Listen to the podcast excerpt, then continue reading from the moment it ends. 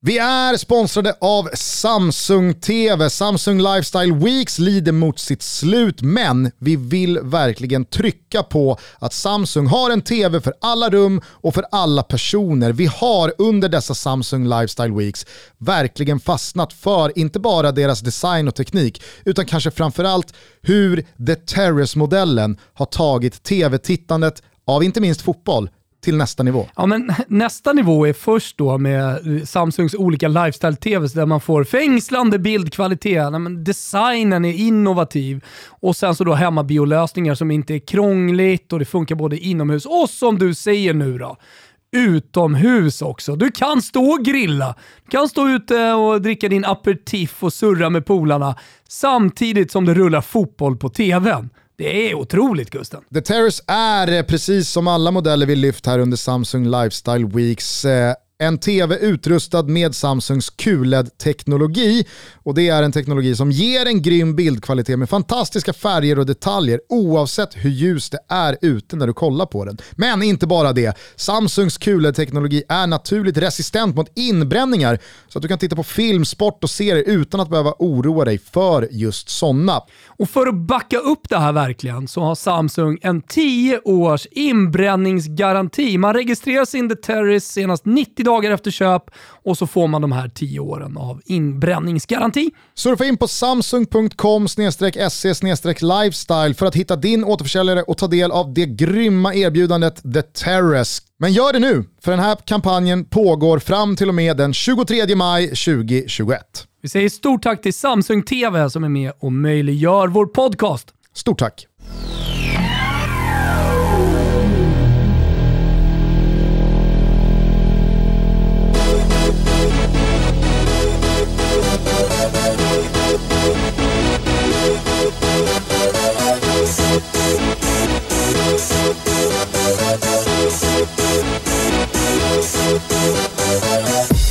For this. Känner varmt välkomna till Toto Balotto. Det är fredag den 21 maj och precis som utlovat så blir dagens episod en liten guide inför den otroligt packade fotbollshelg som stundar. Det är ju inte bara så att de fem stora ligorna i Europa ska gå i mål, utan det är ju dessutom så att allsvenskan är inne i den sista omgången innan EM-uppehållet. Men innan vi sätter tänderna i eh, helgen som stundar så har det ju ändå hänt en del grejer fotbollsmässigt de senaste dagarna som jag bara kort tycker att vi ska beröra. Mm. Jag såg att du twittrade igår Thomas att du aldrig kommer ge upp hoppet kring Zlatan. Nej, och jag inser ju varifrån liksom eh, spekulationerna och uppgifterna kommer, men jag kan backtracka bara så alla är med. Eh, Toto Sport, Bilt, Daily Mail, eh, det var flera eh, källor som skrev att Zlatan kämpar för att vara med i Janne Anderssons lista den första juni i och med att man får göra ändringar fram till det. Eh, och det var ett Instagram-inlägg som han skickade ut när han sitter på en träningscykel och skriver väl mer eller mindre “never give up” liksom, eh, något, liknande va. Eh, och eh, då Eh, är jag ganska övertygad om att man spann på det då, på Bildt och, och Toto Sport och de här. Eh, och menar på att det, det, finns faktiskt en möjlighet att han fortfarande ska vara med, eller framförallt kämpar han för att vara med. Och då, då, då, då var, ville jag vara tydlig med att jag minsann aldrig ger upp hoppet i alla fall. Nej. Är Nej. det en lista som kan förändras, ja då, den, då vill jag vara med där. Nej, men jag tycker att eh, du såklart eh, sänder ut rätt budskap. Det man däremot undrar, eller jag i alla fall känner, det är ju liksom om det nu finns en möjlighet, varför var det så satans jävla tydligt från svenskt landslagshåll eh, redan i lördags med att nej, men Zlatan är out eh, och så är det med den saken, truppen tas ut på tisdag, men det, det, det är inte ens lönt men, att få upp hoppet. Men svaret är väl ganska enkelt på det som jag tycker Stefan Pettersson liksom var tydlig med och som Janne Andersson har varit tydlig med i precis alla intervjuer efter skadan. Och det, det är ju att han är out. Alltså, ja, eh, det, jo, det, det, det, är ett enkelt svar på, på, på den frågan. Eh, att eh, liksom, eh, alldeles oavsett vad han gör på sociala medier och kämpar och vad andra skriver så, så har han, jag, jag tror det var, var Janne som sa, så som, eh, så som snacket gick. Mm. Visst, det är sex veckor och det kommer matcher i jul och så här, men så som snacket gick kring den här rehabiliteringen. Jag tycker snarare så här, det, det, det man kan ta med sig från de senaste tio dagarna istället för att drömma om EM, det är ju att den här skadan var mycket, mycket värre än vad, än vad vi hade trott. Alltså, jag, jag är ganska osäker på att det är sex veckor ens. Alltså, jag tror snarare det kanske var, var en liten skarv neråt ja. eh, sett till liksom eh, Zlatans ålder och hur han själv tänker och så vidare. Att det, det här, det här den, den, var, den var ganska allvarlig den här knäskadan trots allt. Och att, jag skulle inte förvåna mig om så här, premiären i Serie A är, är i fara snarare än att han skulle komma med till EM. Nej, och det var väl det vi landade i ganska direkt efteråt också. Att allt det som kablas ut här nu med det här beskedet, det tyder på att Zlatan vet ganska tydligt från eh, amerikanskt specialläkarhåll att sex veckor, alltså det är nog bara att glömma. Du kommer inte kunna spela mm. fotboll på minst två månader. Men Zlatan har ju förvånat den förut och som du säger, det är ju först första juni som Jannes definitiva lista ristas in i sten och eh, är den han kan utgå från när det väl är dags för EM. Han tog ut truppen i tisdags, eh, det var väl inga större bomber och granater, Granen kom med, det fattade ju vem som helst att han skulle. Det som jag i alla fall hajade till kring det var ju att Jesper Karlsson utelämnades, men kanske framförallt då att Pierre Bengtsson utelämnades och istället Martin Olsson kom in från vänster via en omstart i Helsingborg och i år i Häcken. Eh, mm. Det säger väl någonting om liksom, var den svenska truppen var någonstans efter Zlatans skada och att det blir liksom rubriken att Pierre Bengtsson utelämnas för Martin Olsson eh, och att Jesper Karlsson inte kommer med. Eh, det var väl vad det var, jag vet inte om du delade min känsla när trupppresentationen kickade igång, att är det de svenskaste minuterna man sett i år, när Kristin Kaspersen får mana på en applåd när Janne äntrar scenen och att ljudet är skit. Ja, bara det att han manar på en applåd, hon manar på en applåd från journalister som är på plats. Fan, eh, är det här Arkiv X eller? Nej, det var, det var verkligen liksom, jag satt, jag satt i bilen, följde det här på mobilen så kände jag bara, det blir inte svenskare än så här. Är inte, Nej, Janne, är inte Janne, vår förbundskapten, värd en applåd? Och så kommer liksom ja. 13 glömde bort att det liksom inte var en publik som Nej. satt där utan att det var en journalistkår som liksom Olof Lund och, och, och gänget de måste, måste varit helt liksom golvade. Vad fan är det som händer? Plus att så här, hyra in Kristin Kaspersen för 250 000 eller vad hon kostar, det kanske inte ens räcker, för att hålla den här presskonferensen. Jag tycker att det jag vet inte, fan låt, låt Kakembo sköta det där. Alltså, visst att man vill, när Sverige ska vara pampiga, då går det alltid åt helvete. Så sådana jävla ABBA-vibbar, Sverige söker OS eh, i hela det där spektaklet. Sen är ju Janne klockren och landslaget är klockren. Jag tycker Lustig och Säv, alltså det är alltså, det, Gulo Gulo. Ingen skugga över dem. Nej, nej, nej. Men, men Sjö, Sjö, Sjöstrand, han ska in där. Jävla linslus han är Sjöstrand. Alltså, han ska in och vara med i varenda... Det var en lång intervju också. Du vet, man satt och väntade på det här, trupputtagning och alltihopa. Så det var en lång intervju med Karl-Erik Nilsson och, och Sjöstrand. Man kände bara, ta bort de här två gubbarna. Åk och ställ er med någon jävla plakat utanför Folkhälsomyndigheten istället. Gör någonting vettigt istället för att sitta där och babbla. Ingen vill se er. Just det här sammanhanget, ni gör jättebra jobb, men inte, inte just nu. Och sen så avslutade Kristin Kaspersen alltihopa med att tala till journalisterna. Ja, det finns möjligheter att göra intervjuer separat efter det här. Karl-Erik Nilsson och eh, Sjöstrand är, är tillgängliga. jag tror inte, det var Philip Conner som gör gnugget, han var ju säkerligen kvar. Ja, så är det. tog, tog ett par intervjuer. Ja, men det blir ju lite som när det, när det är Champions League-lottningar. Alltså, man, man, man, man, man går i den där fällan varje år. Ja, det, är, det är Champions League-lottning klockan 12 eller klockan 1 eller när det är. Och så klickar man igång. Men man vet ju, det är ju 25 minuter lull-lull som är helt ointressant innan bollarna börjar snurras. Ja, ja, nej men så är det eh, verkligen. Eh, men men där, där de blir bättre tycker jag, där, där är de mer liksom rätt på sak. Hur som helst, eh, gulligt försök Sverige. Nu lägger vi det bakom oss. Eh, jag tycker, alltså helt ärligt, så finns det inte så jävla mycket att säga om den här trupputtagningen. Jesper Karlsson, vad fan. Vem är man? om man sitter och krigar för att Jesper Karlsson ska bli 26-gubbe i, i, i, en landslagstrupp. Nej, men det... Alltså slu... Så här, jag såg någon som skrev så här, jag tycker det är tråkigt eh, att eh, Jesper Karlsson inte kommer. Va? Varför det tror Va?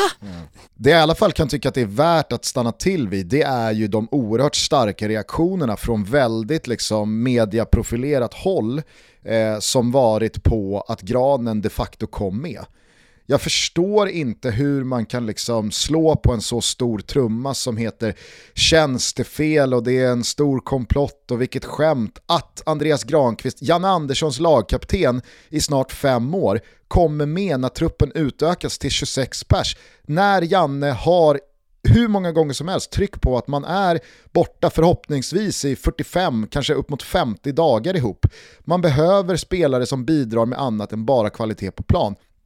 Alla vet om Andreas Granqvists skadesituation, men man vet också om att Granen är den första som har sagt att känner jag att jag inte kommer vara i fysiskt dugligt skick för att spela fotboll, då kommer jag ställa min plats till förfogande, då kommer inte jag vara med. Alltså, och det beslutet har jag och Janne full koll på. Alltså, med, med tanke då på, alltså, med, med, med tanke på att Vigge är, finns i truppen, Ponne finns i truppen, Danielsson finns i truppen och Filip Helander finns i truppen. Ja men då pratar vi om alltså att Andreas Granqvist eventuellt tar upp Karl Starfelts plats att vara femte Det är inte Paolo Maldini som lämnas utanför truppen här till, till förmån för Andreas Granqvist. Och även fast Karl Starfelt kanske är i, i betydligt bättre slag både formmässigt och i fysiskt skick än Andreas Granqvist så handlar det ändå om att Karl Starfelt ska vara mittback nummer fem. Alltså, det, det, är ingen spelare som kommer göra någon skillnad på planen då som då har utelämnats. Så jag, jag, jag, förstår inte varför man inte bara kan liksom så här, lita på Janne. Tar han med granen så har han koll. Ja, nej men eh, jag ser andra landslag som gör liknande grejer, alltså att man tar med rutinerade spelare som har varit med länge. Och, och han, han, han är ju dessutom en, liksom, en, eh, en landslagsikon. Eh, alltså inte bara för spelaren utan generellt sett. Jag är absolut inte den personen som har suttit i granenbåten. Jag brukar ofta vara ganska tydlig med att jag vill ha med de bästa spelarna och sånt där. Men, men jag, jag backar gärna på det. Jag, jag har inga problem med så här, att jag, säga precis som du säger. Att jag, jag tror Janne har jävligt bra koll på det där. Men jag tror också att det är lite eldning här från, jag tror Disco skrev någon eh, kvasikrönika kring det. Eh, alltså så här, jag, jag, tror att det, jag tror att det är lite eldning för att det var det heta ämnet. Eh, tidningarna är så här, men vi behöver, vi behöver krönika på Granqvist typ, för att det kommer klicka. Eh, alltså helt ärligt, jag har varit på kvällstidning i så länge så jag vet hur det funkar. Så jag tror att det kan vara det. Sen hakar vissa på det, men jag tycker överlag så, så eh, fanns det ju så jävla lite att reagera på. Folk vill reagera. Så jag, jag, jag tror att, eh, ja men, eh, att granen blev liksom eh, något slags utlopp för folk att faktiskt få tycka och ha en åsikt. Ja. Är du med? Vet du vad jag gör? Uh, jag vet inte, jag... du sätter i Janne-båten och håller käften bara. Nej men alltså är nu är det ju bara att börja gnugga granen i premiären. Granen ska rätt in i startelvan här nu. Nej, jag tycker Ponne ska spela, jag tycker att det är ganska uppenbart att han ska spela. Han har förtjänat den här platsen, han gjorde en dålig samling. Det tycker jag däremot var ruskigt skevt. Liksom att, att folk bara dömde sönder honom på den samlingen.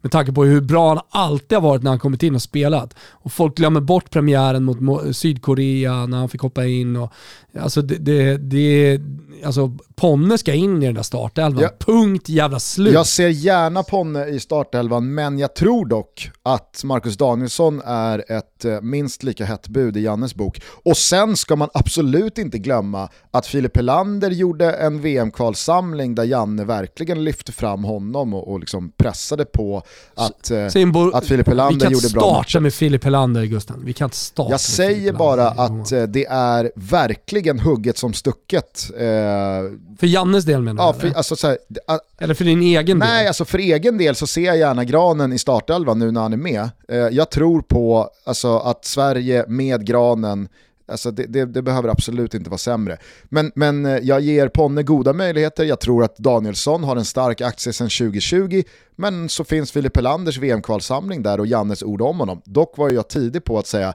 Ja, jag tror att eh, det, det, det, är såklart slukt och klokt här av Janne. Janne visar vilken jävla världsspelare han är med att använda sina mediala kanaler när han lyfter fram Filip Helander, en sån här samling, när Granen är out, när Ponny är out, när Danielsson är out. Han är så jävla skicklig Janne på att liksom stärka allas aktier. Mm. Nej, det är han ju verkligen. Eh, så är det. Men eh, nu är det samling snart, eh, ligorna ska gå i mål i helgen. Eh, de här spelarna vi pratar om, alltså Jesper Karlsson och, och gänget, alltså de, de kommer nog förmodligen ändå inte spela en minut. Eh, så att, eh, det blev ju väldigt mycket i slutändan så som, så som du sa Gusten. Eh, det, den enda eventuella då, skrällen var väl att Martin Olsson kom med. Mm. Istället för Pierre Bengtsson. Kan ju lida lite med Pierre Bengtsson ändå. Ja det gjorde ju Janne också, det var han ju väldigt tydlig med. Ja. Eh, annars bara kort eh, ur ett svenskt landslagsperspektiv här inför EM. Kul med Kulusevskis eh, kuppfinal eh, mot Atalanta här i förrgår. Eh, en titel in på kontot, en fin insats, mål och förhoppningsvis här nu med tanke på ligavslutningen och Juventus ganska goda möjligheter att lösa en Champions League-plats. Skjuts in i EM-samlingen för Kulan. Ja, det var viktigt. Alltså jag tror att det var viktigt för Sverige att få lite självförtroende in. Eh, och det han gör, nu ska vi summera lite den här veckan hon har varit, eh, och det var för, för det första fantastiskt att höra två italienska kurvor som sjunger. Eh, jag menar det var härligt med, med de engelska supportrarna på plats, men just det här non-stop-gunget i bakgrunden hela tiden, det var, det var otroligt härligt att, och, och liksom höra. Lider med Atalanta, som eh, fortfarande inte har vunnit, fortfarande inte vunnit någon titel, men otrolig era eh, som eh, det är favorit på att man inte kommer vinna en titel och få chansen till Coppa Italia nästa säsong igen. Men, men förmodligen så kommer man inte, kommer, kommer man inte få andra chanser, alltså ligan är väl typ körd, Europa League då eventuellt. Men, men ändå, alltså de här titelchanserna för Gasperini-eran i Atalanta, de, de, de, börjar liksom, de börjar försvinna. Hur länge orkar Gasperini? Vad händer i sommar när man säljer Malinowski, Gåsens, eh, eh ja kanske Muriel då, 45 50 miljoner lyckas man ersätta. Det har man gjort hittills, men kommer man fortsätta kunna ersätta de här spelarna? Eh, som sagt, det återstår att se. Det är eh, alltid så med provinslag att eh, deras eror hänger på en skör tråd, kanske en säsong. Så jag lider lite med dem måste jag säga. Eh, men, men framförallt så är jag glad ur svensk perspektiv som du ser med Kulusevski. Han vinner den här titeln åt dem 1 plus 1. Eh, utan att ta ifrån eh, liksom, Juventus som lag någonting. Men, men det är ju så, liksom, han är matchens lirare, han får högst betyg.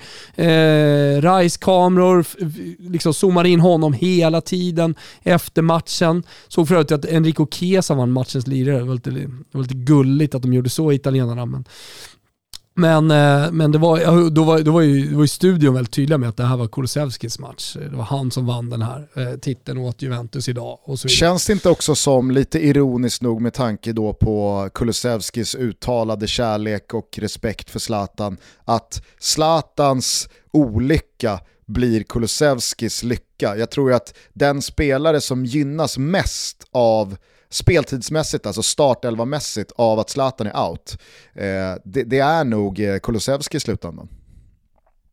Ja, alltså... Bortsett Marcus, Marcus Berg alltså, Alexander bortsett, Isak. Ja, men, alltså vem nu som startar. Alexander Isak hade ju givetvis, alltså, jag tror att Alexander Isak hade varit given eh, alldeles oavsett eh, Zlatans medverkan eller inte.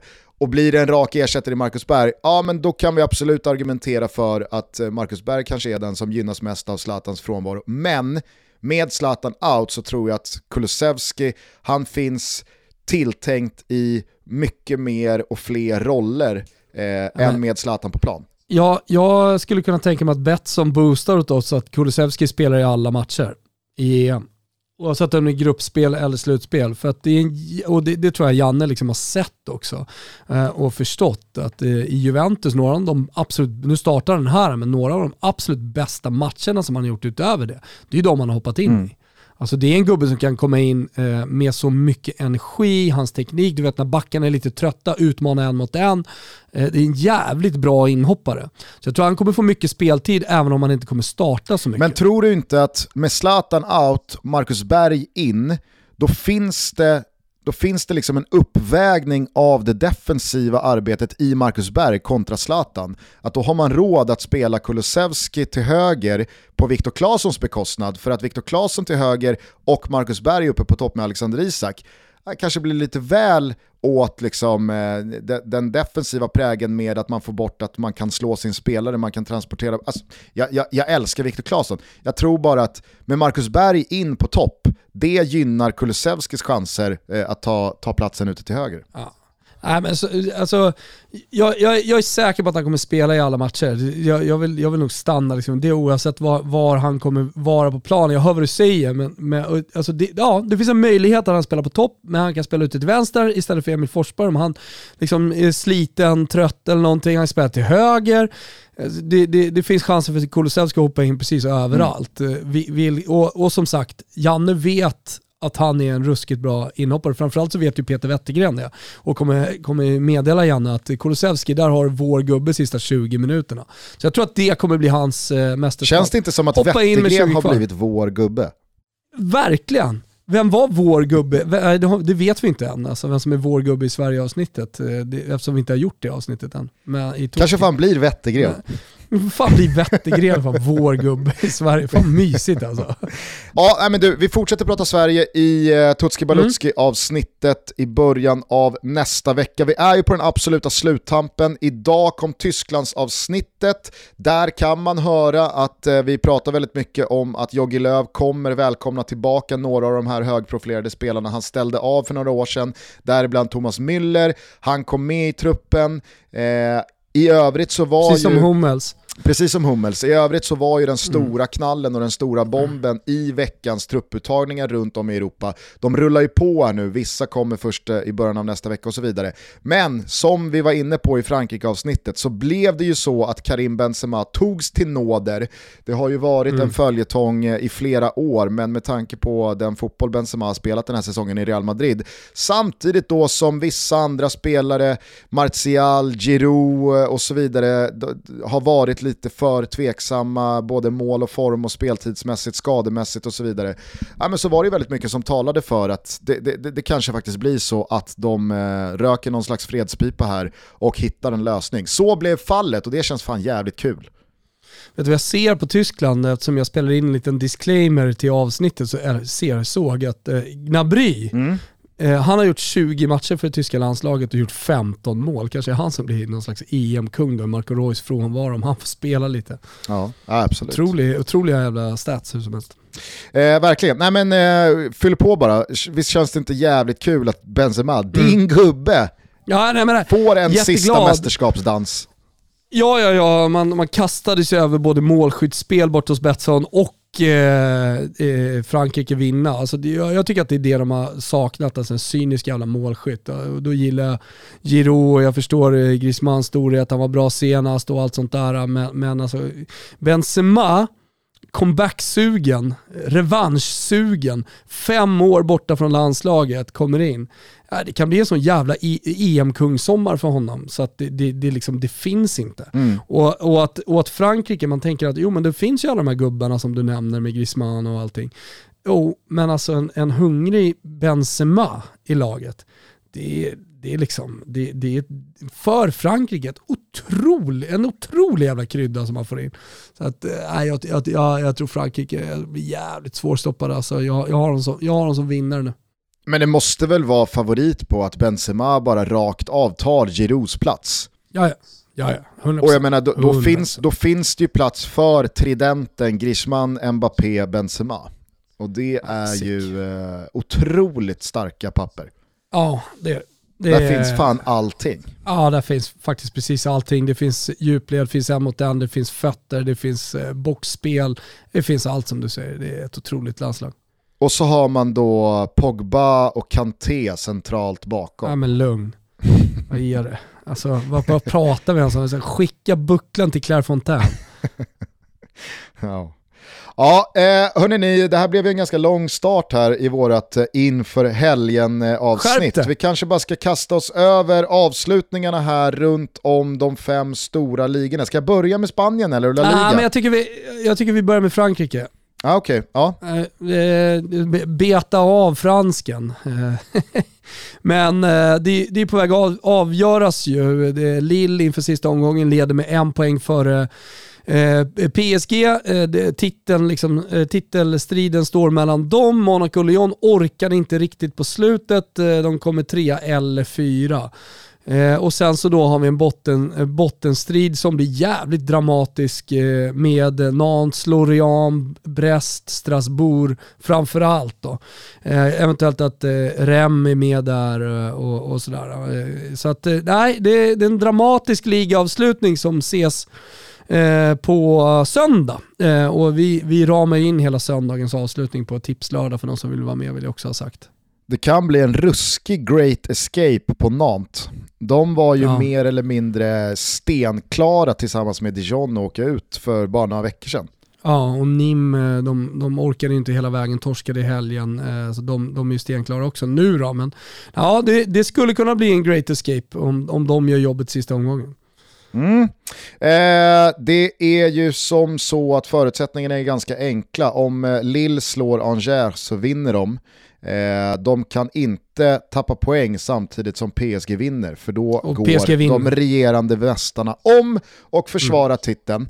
Eh, alltså, jag vet inte, du har ju haft en hel del kontakt med Jakob Nilsson här under våren, mm. eh, vår gubbe i Frankrike. Har du fått någon uppfattning om liksom hur stor knallen skulle vara ifall Lill går och tar den här ligatiteln? Deras ja, första sedan typ 2012 va? Exakt, äh, men enorm. Uh, framförallt för att det är PSG på andra sidan, ett PSG som gick, som gick för att vinna Champions League. Men alla vet förutsättningarna när ligan börjar nu för tiden. Uh, titeln är utdelad i augusti och allt det där. Uh, så, så, att, uh, nej men och det, det har man ju sett den senaste månaden, inte minst då, på supportrarna som trots coronatider liksom har gett ett jävla stöd till laget. inför träningar, under träningar, efter matcher, innan matcher. Eh, så så att det, det, de har fått ett otroligt stöd där, men just den här lilla möjligheten som fortfarande finns. Arnskär har ingenting att spela för ska sägas. De har förlorat fem av de senaste sex matcherna, alltså det är ett utcheckat lag. De förlorade senast eh, i, i helgen eh, igen då mot Marseille med 3-2, gjorde visserligen en helt okej okay, eh, prestation, men ändå. Alltså Lille ska vinna den här, men det är sista omgången, det är 90 minuter fotboll. Eh, Ancher har säkert ekonomiskt, eh, spelarna säkert fått lite ekonomi från PSG också, att göra en bra match här. Så att det, den är långt ifrån klar och att falla på målsnöret när man har haft sådana fina chanser här på slutet. Krysset i helgen liksom, ja, det, mot Santet igen med 0-0 där, det, det, den, den, kommer nog så vidare i så fall. Vet du eh, vilken spelare jag skulle vilja lyfta fram efter den här säsongen? Ja, men det finns ju många spelare i ligan eh, att eh, lyfta fram. Eh, vet, du får ta din gubbe då, som du, som du tycker. Nej men jag tycker fan det är lite hatten avläge på Kevin Folland. Eh, ja, Absolut, det är det ju. Alltså Monaco så snackar du nu. Exakt, när han efter många år i Tyskland och Bayer Leverkusen lämnade och gick till Monaco, då fick i alla fall jag känslan av att den här stjärnan har börjat dala. Kevin Follan blev liksom aldrig den stora tyska målmaskinen som fick det mm, paneuropeiska eh, erkännandet som en av eh, de bästa. Och det säger inte jag att han har nått nu under den här säsongen. Men jag är imponerad över hur han liksom har laddat om och i ett sånt där lag som känns väldigt oklart. Det känns som ett, eh, eh, eh, ett, ett hopkok av spelare som hamnat lite snett i karriären. De har varit otroligt bra genomgående över hela säsongen och Kevin Folland har öst in mål. Jag, jag tycker den här EM-truppplatsen också understryker vilken jävla ja, men, eh, vilken andra andning han har kommit in i karriären för att han pushar ju mot 30 år och ja, jag, jag, hade liksom, jag hade gått vidare från Kevin Folland i, i mitt medvetande i alla fall. Ja, jag, jag, älskar ju den typen av karriärsvängar. Eh, som eh, när, alltså när man lämnar för ett annat land, för kanske en klubb som man tänker vad fan ska han göra där? Där har vi ju såklart eh, Jin Jack liksom i toppen som drog till Tigres och liksom tog över hela den mexikanska fotbollen och varit någon slags kung. Alltså den typen av vändningar, det här är en light-version av det. Vad fan ska Kevin Follan göra i Monaco? inte Monaco lite utcheckade som klubb också, tänker man. Såg du för övrigt att eh, Gignac är med i bruttotruppen till OS? Ja, ja, jag såg det. Det, det, det höjer ju temperaturen på fotbollsturneringen i, i Tokyo. Ja, ja. är jättemysig. jättemysig. Men hade du någon annan spelare som du ville lyfta från eh, Liga 1-säsongen? Ja, det finns såklart flera, men vi ska försöka ändå vara lite, lite malliga här. Alltså, eh, en spelare från Lille som jag vill lyfta fram är David Jonathan. Jag vet inte hur många som har koll på honom. Ja, det är nog inte så jävla många. Nej, alltså en kanadick född 2000 gör 12 mål, alltså anfallare. Eh, född eh, i Brooklyn av haitiska föräldrar, flyttade tillbaka till Haiti eh, och sen så emigrerade till, till Kanada och ja, men gått fransk skola i, i Kanada, kommit upp, gjort det sjukt bra, är ju red, redan uppe, alltså född 2000, redan uppe i 12 landskamper för Kanada. Säger också någonting om det här nordamerikanska. Eh, det känns som Kanada flyter på lite det som USA håller på med också. Eh, nordamerikanska fotbollsundret som är på gång. Eh, när, man, när man pratar om Lill, vi är att om Burak Yilmaz då, han gör en bra säsong, gjort 15 baljer. Eh, nej men, Yusuf eh, Yazizi finns där, alltså turken, eh, gör också en bra säsong. Men jävla mäktigt med, med en kanadick som är 20 bast som, som liksom bara kli, kliver in och gör det bra. För att hedra vår gode vän Ekim Çaglar här så eh, adderar jag ändå det alternativa, mer turkiskt korrekta uttalet på Yusuf Yazici. ja, sorry. Eh, Som jag tränade på de där eh, uttalen inför Turkiet-avsnittet i ja, Tutski. Såklart du gjorde. Såklart du gjorde. jag brukar gå runt men... och säga allt i Nordu för mig själv. det hatar du inte att göra. Nej. Eh, men har inte någonting också just sådana anfallspar med Jonathan David och Burak Yilmaz, den gamle och den eh, unga. Eh, Absolut. Eh, liksom, världar korsas, karriärer möts. Det, är liksom, det finns någonting i de där liksom, Supermac och Bullen fast eh, från olika delar av världen-sagorna. Ja, ja, 100%. 100%. Alltså i, i detta lill eh, så har du Jonathan Bamba, eh, som också liksom är högt upp i, i eh, assistligan, gör mycket mål också. Eh, irrationell eh, anfallsytter. Eh, och sen har du ju Timothy Vea. Om vi nu ska prata om spelare från, eh, från Nordamerika. För han har ju amerikanskt pass, redan gjort tio landskamper. Eh, alltså George Veas son, också född 2000 i New York. Eh, så han, han, har ju, han, har, han har ju gjort en en, eh, vad ska man säga, en Gavetta-säsong i, i, i Lille. Hoppat in mycket, även startat, eh, fått in tre bollar. Eh, in, in, kul på grund av eh, eh, släktskapet, skulle man kunna säga. Sen på tal om det här med Jonathan David och eh, Burak Yilmaz, gammal och ung, så, så är det ju ett jävla fint mittbackspar de har fått ihop den här säsongen också. Med åldermannen José Font som liksom i, i, i Peppes skugga aldrig har liksom nått något stort erkännande. Men eh, han huserar där 38 år ung jämte då den stora kometen Sven Bottman. Mm. Exakt. Holländaren exakt. som, äh, men, äh, jag tror att många har fått upp ögonen för den här säsongen. Ja, exakt. Eh, en spelare som jag har fått upp ögonen för när jag kollat här i studion när vi har kört tipslördag på den franska ligan lite, man liksom bara hajar till det är Zinedine Ferrat i NIM. Alltså NIM är ju ett lag som åker ur. Han gör sex mål, tio ass. Eh, alltså en jävla supersäsong. Fransman för de som undrar.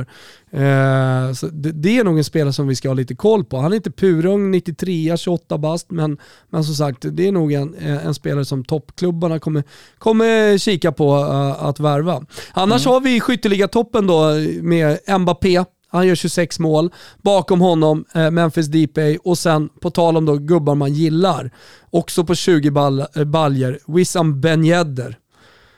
Det är ju en eh, jävla härlig spelare. Ja, alltså han och Folland i Monaco. Ja. Vilka, vi, hatten är av. Verkligen. Verkligen. Ja, eh, söndag 21.00 va? Full eh, 38 och sista omgång. Full 38 eh, sista omgång. Eh, man eh, sitter som på nålar. Det ska bli sjukt mm. kul. Vi är denna vecka sponsrade av Circle K. Jajamensan, nyblippad och klar här Gusten. Vad menar du när du säger att du är nyblippad och klar? Nej, men jag har ju blippat bilen. Jag tankar ju numera med Circle K Easy Fuel appen. Det är bara att gå in, ladda ner appen, registrera dig, lägg in ditt betalkort och sen, ja vad gör man för någonting? Man åker bara till sin station och så känner den av registreringsnumret, öppnar upp så man bara kan börja tanka och så dras det automatiskt. Det är helt revolutionerande. Det är fantastiskt. Det här är är en oerhörd ambition från Circle K att göra livet lite enklare för sina kunder varje dag och jag kan i alla fall inte vrida och vända på den ambitionen och känna att de har hamnat snett. Nej, det är en ny och enklare betallösning, tycker ju Circle K, men jag vet inte om de riktigt förstår hur mycket enklare de gör mitt liv, jag som är så mycket på Circle K. Ingen plånbok, ingen pinkod, ingen behöva lämna bilen och gå in och ställa sig i kö. Det här är smidighet vad gäller att betala för sin tankning på en ny nivå. Det är det verkligen. Vi säger stort tack till Circle K som har skapat Blippa bilen. Åk och blippa bilen nu Gustav. Och ladda ner appen Circle K Easy Fuel. Om du inte redan har gjort det, gör det nu. Vi säger stort tack till Circle K för att ni är med och möjliggör Toto Balotto. Tack! Eh, ska vi ta oss till Spanien då, La Liga? Gärna. För de har ju gjort något så pass orent som att de har brutit upp den sista omgången. Eh, det är väl härligt rent tv-mässigt på ett sätt att man kan följa flera olika matcher med olika incitament och sådär. Men den sista omgången, en, en ligasäsong, det är klart som fan att den ska spelas samtidigt. Jag, jag, ja. jag, kan ändå tycka det. det eh, dock så blir det ju väldigt roligt då i och med att eh, man har brutit ut titelstriden till imorgon lördag och att vi kör dubbelpipa i Fotbollssöndag Europa både lördag och söndag. Eh, så att imorgon så öppnar vi upp eh, studion och då är det fullt fokus på slutstriden i La Liga och på söndag så öppnar vi upp studion igen och då är det fullt fokus på Serie A-avslutningen. Så det blir jävligt kul. Sjukt kul! Verkligen, eh, det är säkert eh, väldigt många av er som har koll på förutsättningarna. Atletico Madrid vände ju ett underläge till seger mot Osasuna i helgen. Det här gör att man har två poängs försprång gentemot regerande mästarna Real Madrid inför den sista omgången. Atletico Madrid möter Real Valladolid på bortaplan och Real Madrid möter Villarreal på hemmaplan. Förutsättningarna är enkla. Vinner Atletico Madrid, då är ligatiteln deras. Skulle de tappa poäng, då är Real Madrid mästare ifall de bara slår Villarreal. Eh, mm. Eh, men det får man väl ändå ge Real Madrid ganska goda förutsättningar att göra med tanke då på att Villarreal ska spela Europa League-final nästa vecka på onsdag eh, mm. och inte ha sådär superduper mycket att slåss för i eh, La Liga-tabellen. Eh, det ska mycket till för att Villarreal ska bråka sig in på en Europa League-plats eh, i och med att man behöver då slå eh, Real Madrid på bortaplan. Samtidigt som Real Betis då eh, spelar mot Celta Vigo och Real Sociedad möter Osasuna och det är de två som innehar Europa League-platserna för tillfället. Man kan inte tappa den sjunde plats man har eller så att jag tror att Villarreal är ett ganska tacksamt byte för Real Madrid den här eh, eh, lördagskvällen. Eh, men eh, för Atletico Madrids del så är det ju den elfte ligatiteln i klubbens historia man jagar. Många kommer säkert ihåg den senaste när man slog Barcelona på Camp Nou i ligaavslut avslutningen 2014. Eh, det är ju en klubb som alltid har varit förknippade med en loser-mentalitet, man kallas för El Popas, de fördömda. Eh, popismon är någon slags, eh, ja, men det, det, det, är en livsstil som atletisk-supporter, att eh, hur bra förutsättningarna än ser ut så kommer man i slutet av dagen tappa det på något sätt. Man sjabblar alltid bort det som Atletico Madrid. Eh, därför så håller man ju, alltså som jag, du och alla andra som, som förhåller sig neutrala i liksom lagsupport, man håller ju alltid en tumme för Atletico Madrid gentemot de andra två stora. Underdogen, det ska inte gå och så vidare. Alltså nu har man ju vant sig, det har vi pratat om flera gånger också, man har ju så vant sig med Atletico Madrid i toppen, även om det fortsatt varje säsong borde vara omöjligt. Eh, så, så, så, är de där och, och petar liksom och stör. Och så jag sa att de skulle kunna gå hela vägen. Kommer ihåg jag sa det någon gång i januari att det var över. Atletico Madrid, om det var februari, Atletico Madrid vinner det här. Stäng diskussionen. Eh, det har man ju fått käka upp en del. Men kanske hade jag rätt. Nej, det var inte viktigt, men ändå. Nej, nej, samtidigt så är det kanske inte den, den mest utsträckta hakan i, i världshistorien. När du delade ut titeln när de ledde med 11 poäng och hade en match mindre spelade. Det kan man ju säga. Eh, det blir lite varken hackat eller malet för Sevilla på fjärdeplatsen. Det blev ingen kupptitel. Eh, Champions League-äventyret tog slut så pass tidigt att det inte blev någon så här, oh, men de tog sig ändå till semifinal och ska ha en jävla praise därifrån. Jag tycker man ska lyfta på hatten för Real Sociedad som återigen står för en ruskigt stabil ligasäsong. Man kommer femma förmodligen, eh, säkrar Europa League nästa säsong igen. Alexander Isak har gjort en jättefin säsong med eh, 16 mål. Jag tycker värvningen av David Silva eh, slog så väl ut den bara kunde göra. Om vi då ser till matcherna han spelade, ah. han har ju faktiskt bara spelat 20 matcher. Eh, oh. Kanske 20 fighter ändå. Absolut, jag menar bara att hade David Silva varit fit for fight och kunnat spela 30, 32, kanske så 34 matcher. Så bra varit ja, då hade kanske Real Sociedad varit med och bråkat om en Champions League-plats lite längre in i säsongen. Vad vet jag? Eh, Villarreal ska man ju säga, löser de Europa League-titeln mot Manchester United, då gör ju de en jättefin säsong alldeles oavsett en sjunde plats i La Liga. Eh, Tycker också man ska lyfta fram Gerard Moreno längst fram i eh, de gula ubåtarna med hans, ja, hittills då, 23 ligamål.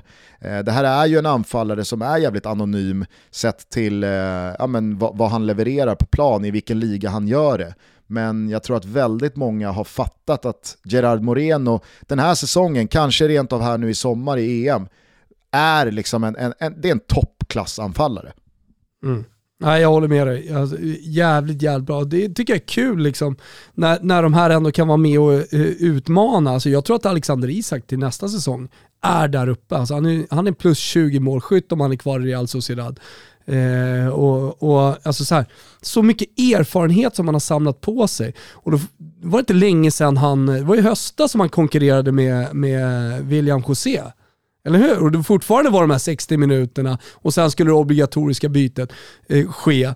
Och eh, just det där att så här, helt plötsligt, eller helt plötsligt, men så stod han där och skulle vara 90 minuters gubbe och den som avgjorde. Utan den tydliga konkurrensen, tydligt uttalade, i alla fall vad det verkade, eh, 60 minuters gränsen alldeles oavsett vem som startade.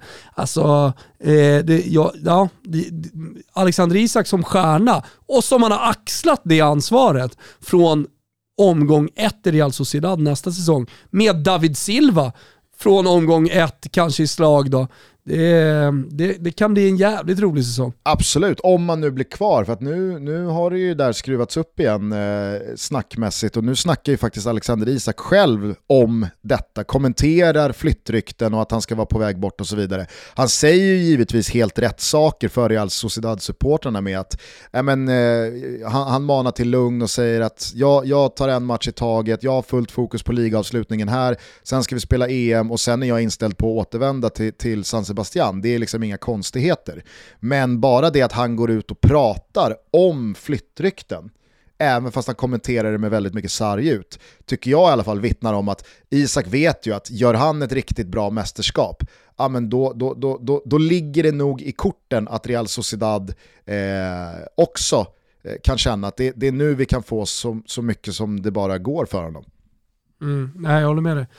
Det, det, det, det, hänger ju, eller hänger, det hänger inte på det. Alexander Isak är den spelaren han är. Han har gjort den säsongen han har gjort.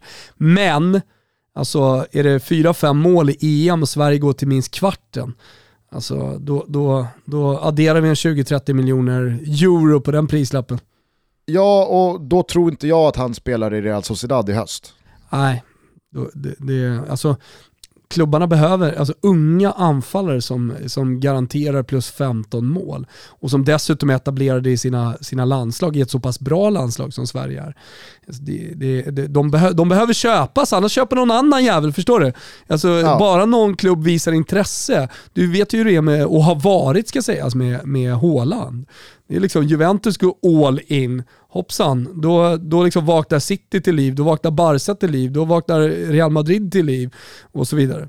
Och där är det väl värt att påminna alla som lyssnar om att det, det, det, det sägs att det finns då någon slags återköpsklausul för Borussia Dortmund eh, mm. hos Alexander Isak. Och skulle det vara så att Dortmund blir av med Haaland, det ramlar in en och en halv miljard på Dortmunds konto, ah, men då kanske de bedömer att Alexander Isak som kan klubben och har varit där tidigare, som har utvecklats som spelare på två år, han kanske är det rätta valet för sig 300-400 miljoner kronor. Jag vet inte. Men... Jag vet inte hur mycket Alexander Isak och hans crew har att säga till om det, men det kommer ju bråkas i alla fall. Ja, så är det. Mm. Eh, jag brukar ju dra en del eh, travliknelser i, i Toto. Eh, ja. Vet du vad nästa gångare är? Eh, nej, berätta. Ja, men det är ju en häst som får ett bra lopp men som, som inte kommer ut eh, inför sista sväng, i Sumpansvängen. Utan som sitter liksom mm. fast, sparade med alla krafter över upploppet för att man, liksom, man blir fastlåst i en, en klunga. Eh, och då brukar man prata om, ah, men det där är en nästa gångare. Eh, eller en häst som kanske har fått ett dåligt lopp då eh, första varvet, men visar, över, eh, visar i Sumpansvängen och över upploppet eh, att det bara liksom forsar fram eh, en, en kanonkula. Då kan man, men, men så blir hästen trea. Då kan man, såg ni hur den hästen gick över upploppet? Det där är en jävla nästa ah. gångare. det är ju Celta Vigo. Aj, aj, aj. Just Kutjo Kodet har ju på ett halvår i klubben, han har ju fått ordning på, den här, på det här vrålåket. Såklart. Eh, och jag tycker att eh, man truppmässigt liksom med Jago Aspas, Nolito, Santimina och så vidare, alltså det är inget lag som eh, kommer, kommer tappa massa spelare. Mm. Det, det, är snarare en klubb som kommer förstärka till nästa säsong och den fotbollen de spelar tror jag borgar för att kan de bara få en bra start, ja, men då, då tror jag att vi kan eh, få, få se Celta Vigo eh, jaga ner någon av de här klubbarna bakom de tre stora i, i toppen och bråka sig in i, i kampen om Europaspel igen. Ja. Ja, spännande. Du, eh, ska vi ta lite tysk fotboll? Ja, jag tänker bara, jag har två, några snabba punkter här bara kring La Liga Aha. som jag bara bränner av. Eh, ja, kör det. Getafe är ju det stora raset, eh, föga förvånande. Du och jag har ju varit på det tidigt med tränare Pepe Bordalas, att han borde givetvis ha agerat när hans aktie stod som högst. Mm. Eh, det blir lite som för Eddie Howe i Bournemouth. Han har väl inte fått ett jobb än. Eh, Real Valladolid faller tungt, de åker ur. Eh, det, det, kommer de göra. Eh, det är ett jävligt klassiskt La Liga-lag. Ronaldo, gamla Ronaldo, eh, Il Fenomeno är ju president som, som säkert Just många vet. Eh, Oesca kan komma att åka ur, men alldeles oavsett så kommer ju Rafa Mir eh, bli högvilt i sommar och spela La Liga-fotboll eh, nästa säsong om inte han skulle lämna för något annat land. Eh, tycker Pedri eh, i Barca har stått för det absolut st största genombrottet. Eh, men Marcos Llorente har väl stått för kanske den absolut bästa säsongen. Eh, det är ju en spelare som för bara några år sedan eh, ratades som defensiv mittfältare i Real Madrid. Gick till Atletico Madrid, skolades om till någon slags universalspelare av Diego Simeone och inför avslutningen så står han alltså på 12 plus 11. Eh, mm. och har ju varit otrolig alltså. Mm. Eh, vad ska man säga om Lionel Messi? Ytterligare en skytteligaseger. Det är bara att mm. konstatera att eh, han, är, han är bäst. Eh, den stora deppiga skadan den här säsongen, det är Ansu Fati. Jävlar vad bra han var innan han gick sönder i, i slutet av 2020. Eh, väldigt mycket talar för att han missar eh, EM här och han verkar vara inställd på att ladda om till, till nästa säsong. Eh, och det känns jävligt tråkigt att, att han fick den liksom, säsongen han fick. Mm. Mm. Håller med. Underifrån så är både Mallorca och Espanyol klara för återkomster. Där bakom slåss följande fem klubbar om eh, fyra playoffplatser. Leganes, Almeria, eh, Girona, Sporting Gijón och Rayo Vallecano. Ah, snyggt! Ja, har vi med Bra oss in i eh, Spanien-avslutningen. Vi gör detta i samarbete med våra vänner på K-Rauta. Ni vet ju att det är våryra hela maj månad ut, men Vet ni om att man med K-Rauta Plus välkomnas in i en kundklubb med just stort plus?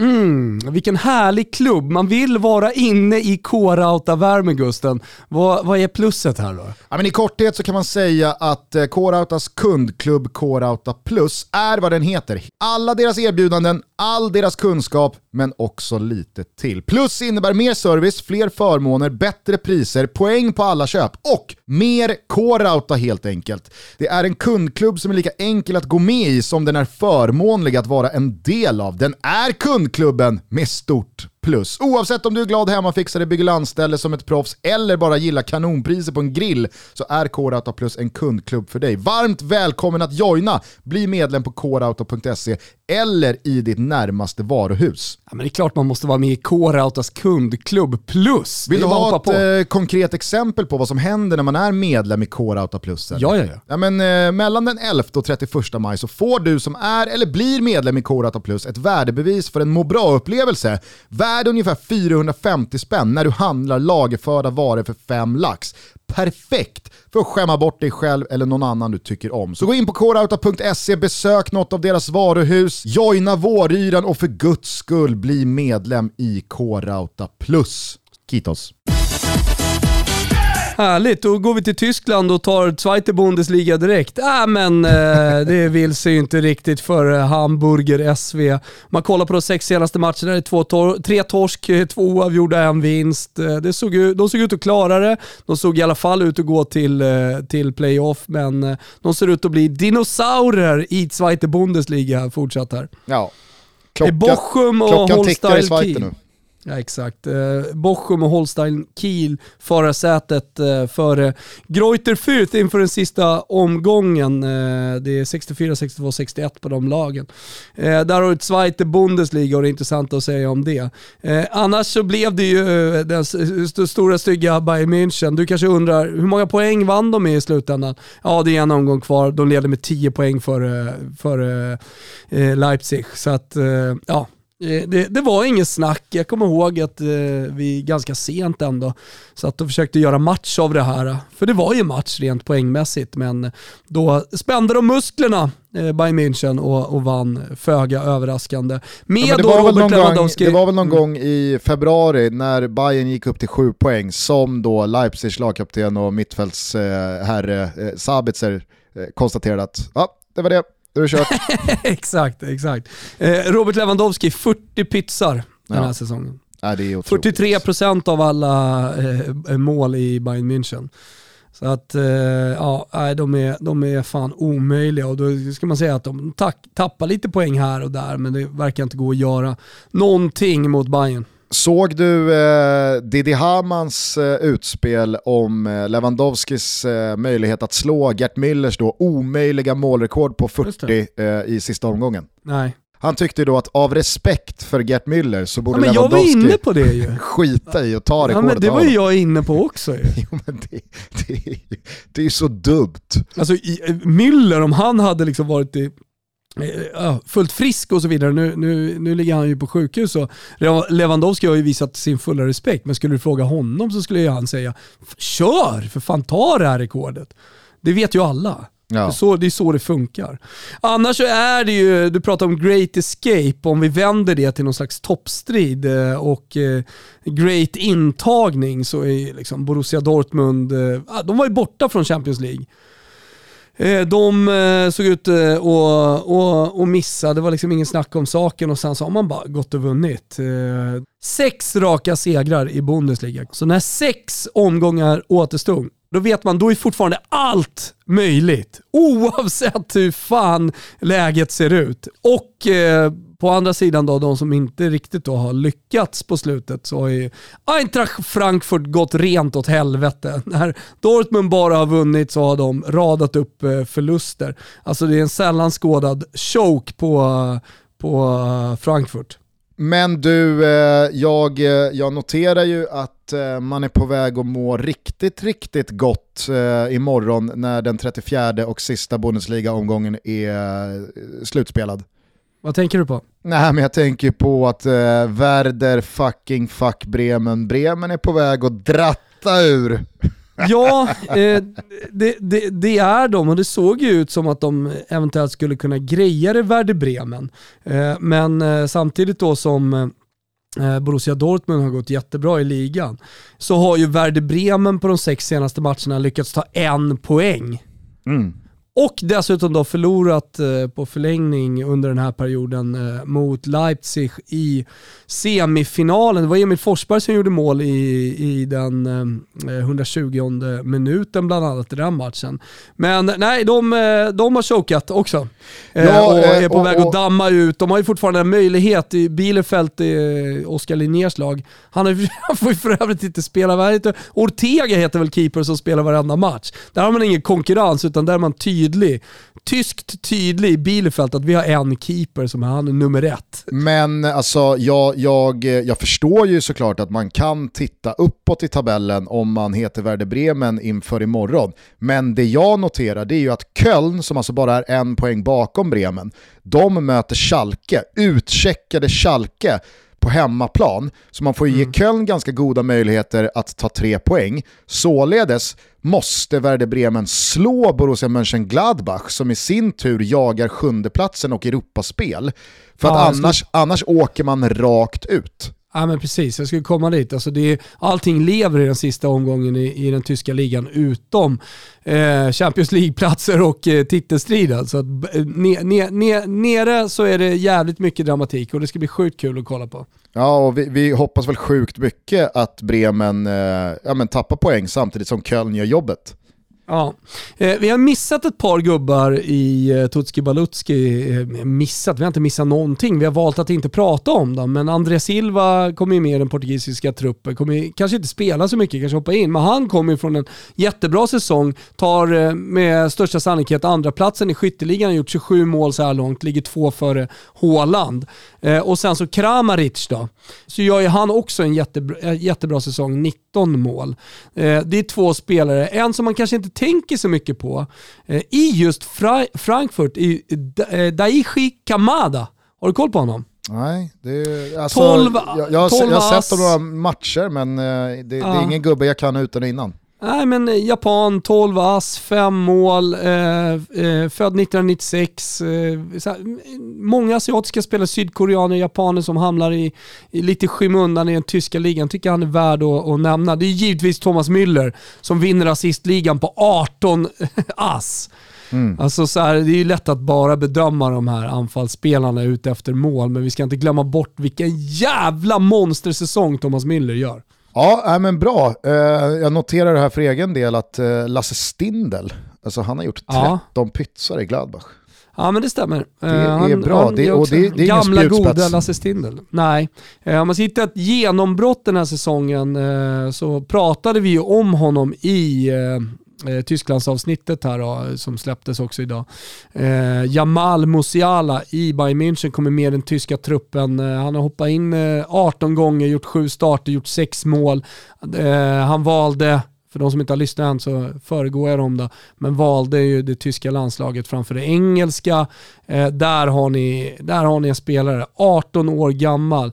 Han är alltså född 2003 och är redan uppe och, och gör avtryck i Bayern München. Så att eh, är, är, någon, är något stjärnskott vi ska hitta så, så hittar vi honom faktiskt i Bayern München. Vilken, vilken, gubbe det är alltså.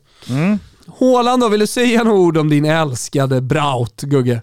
Nej, men Brautkolen. eh, det, det skulle väl vara att eh, han ändå har gått skadad en del under säsongen. Han har missat några straffar. Alltså, med, med, med, lite, med lite andra vindar som blåst så hade ju Haaland absolut stått på 30 plus och eh, verkligen understrukit ännu mer eh, sin otroliga eh, målmaskinstatus. Så att, eh, jag, Han skulle, gör, jag skulle inte bli han- förvånad om han avslutar här med, med, med hattrick i, i, imorgon och att han piper förbi André Silva i skytteligatoppen också.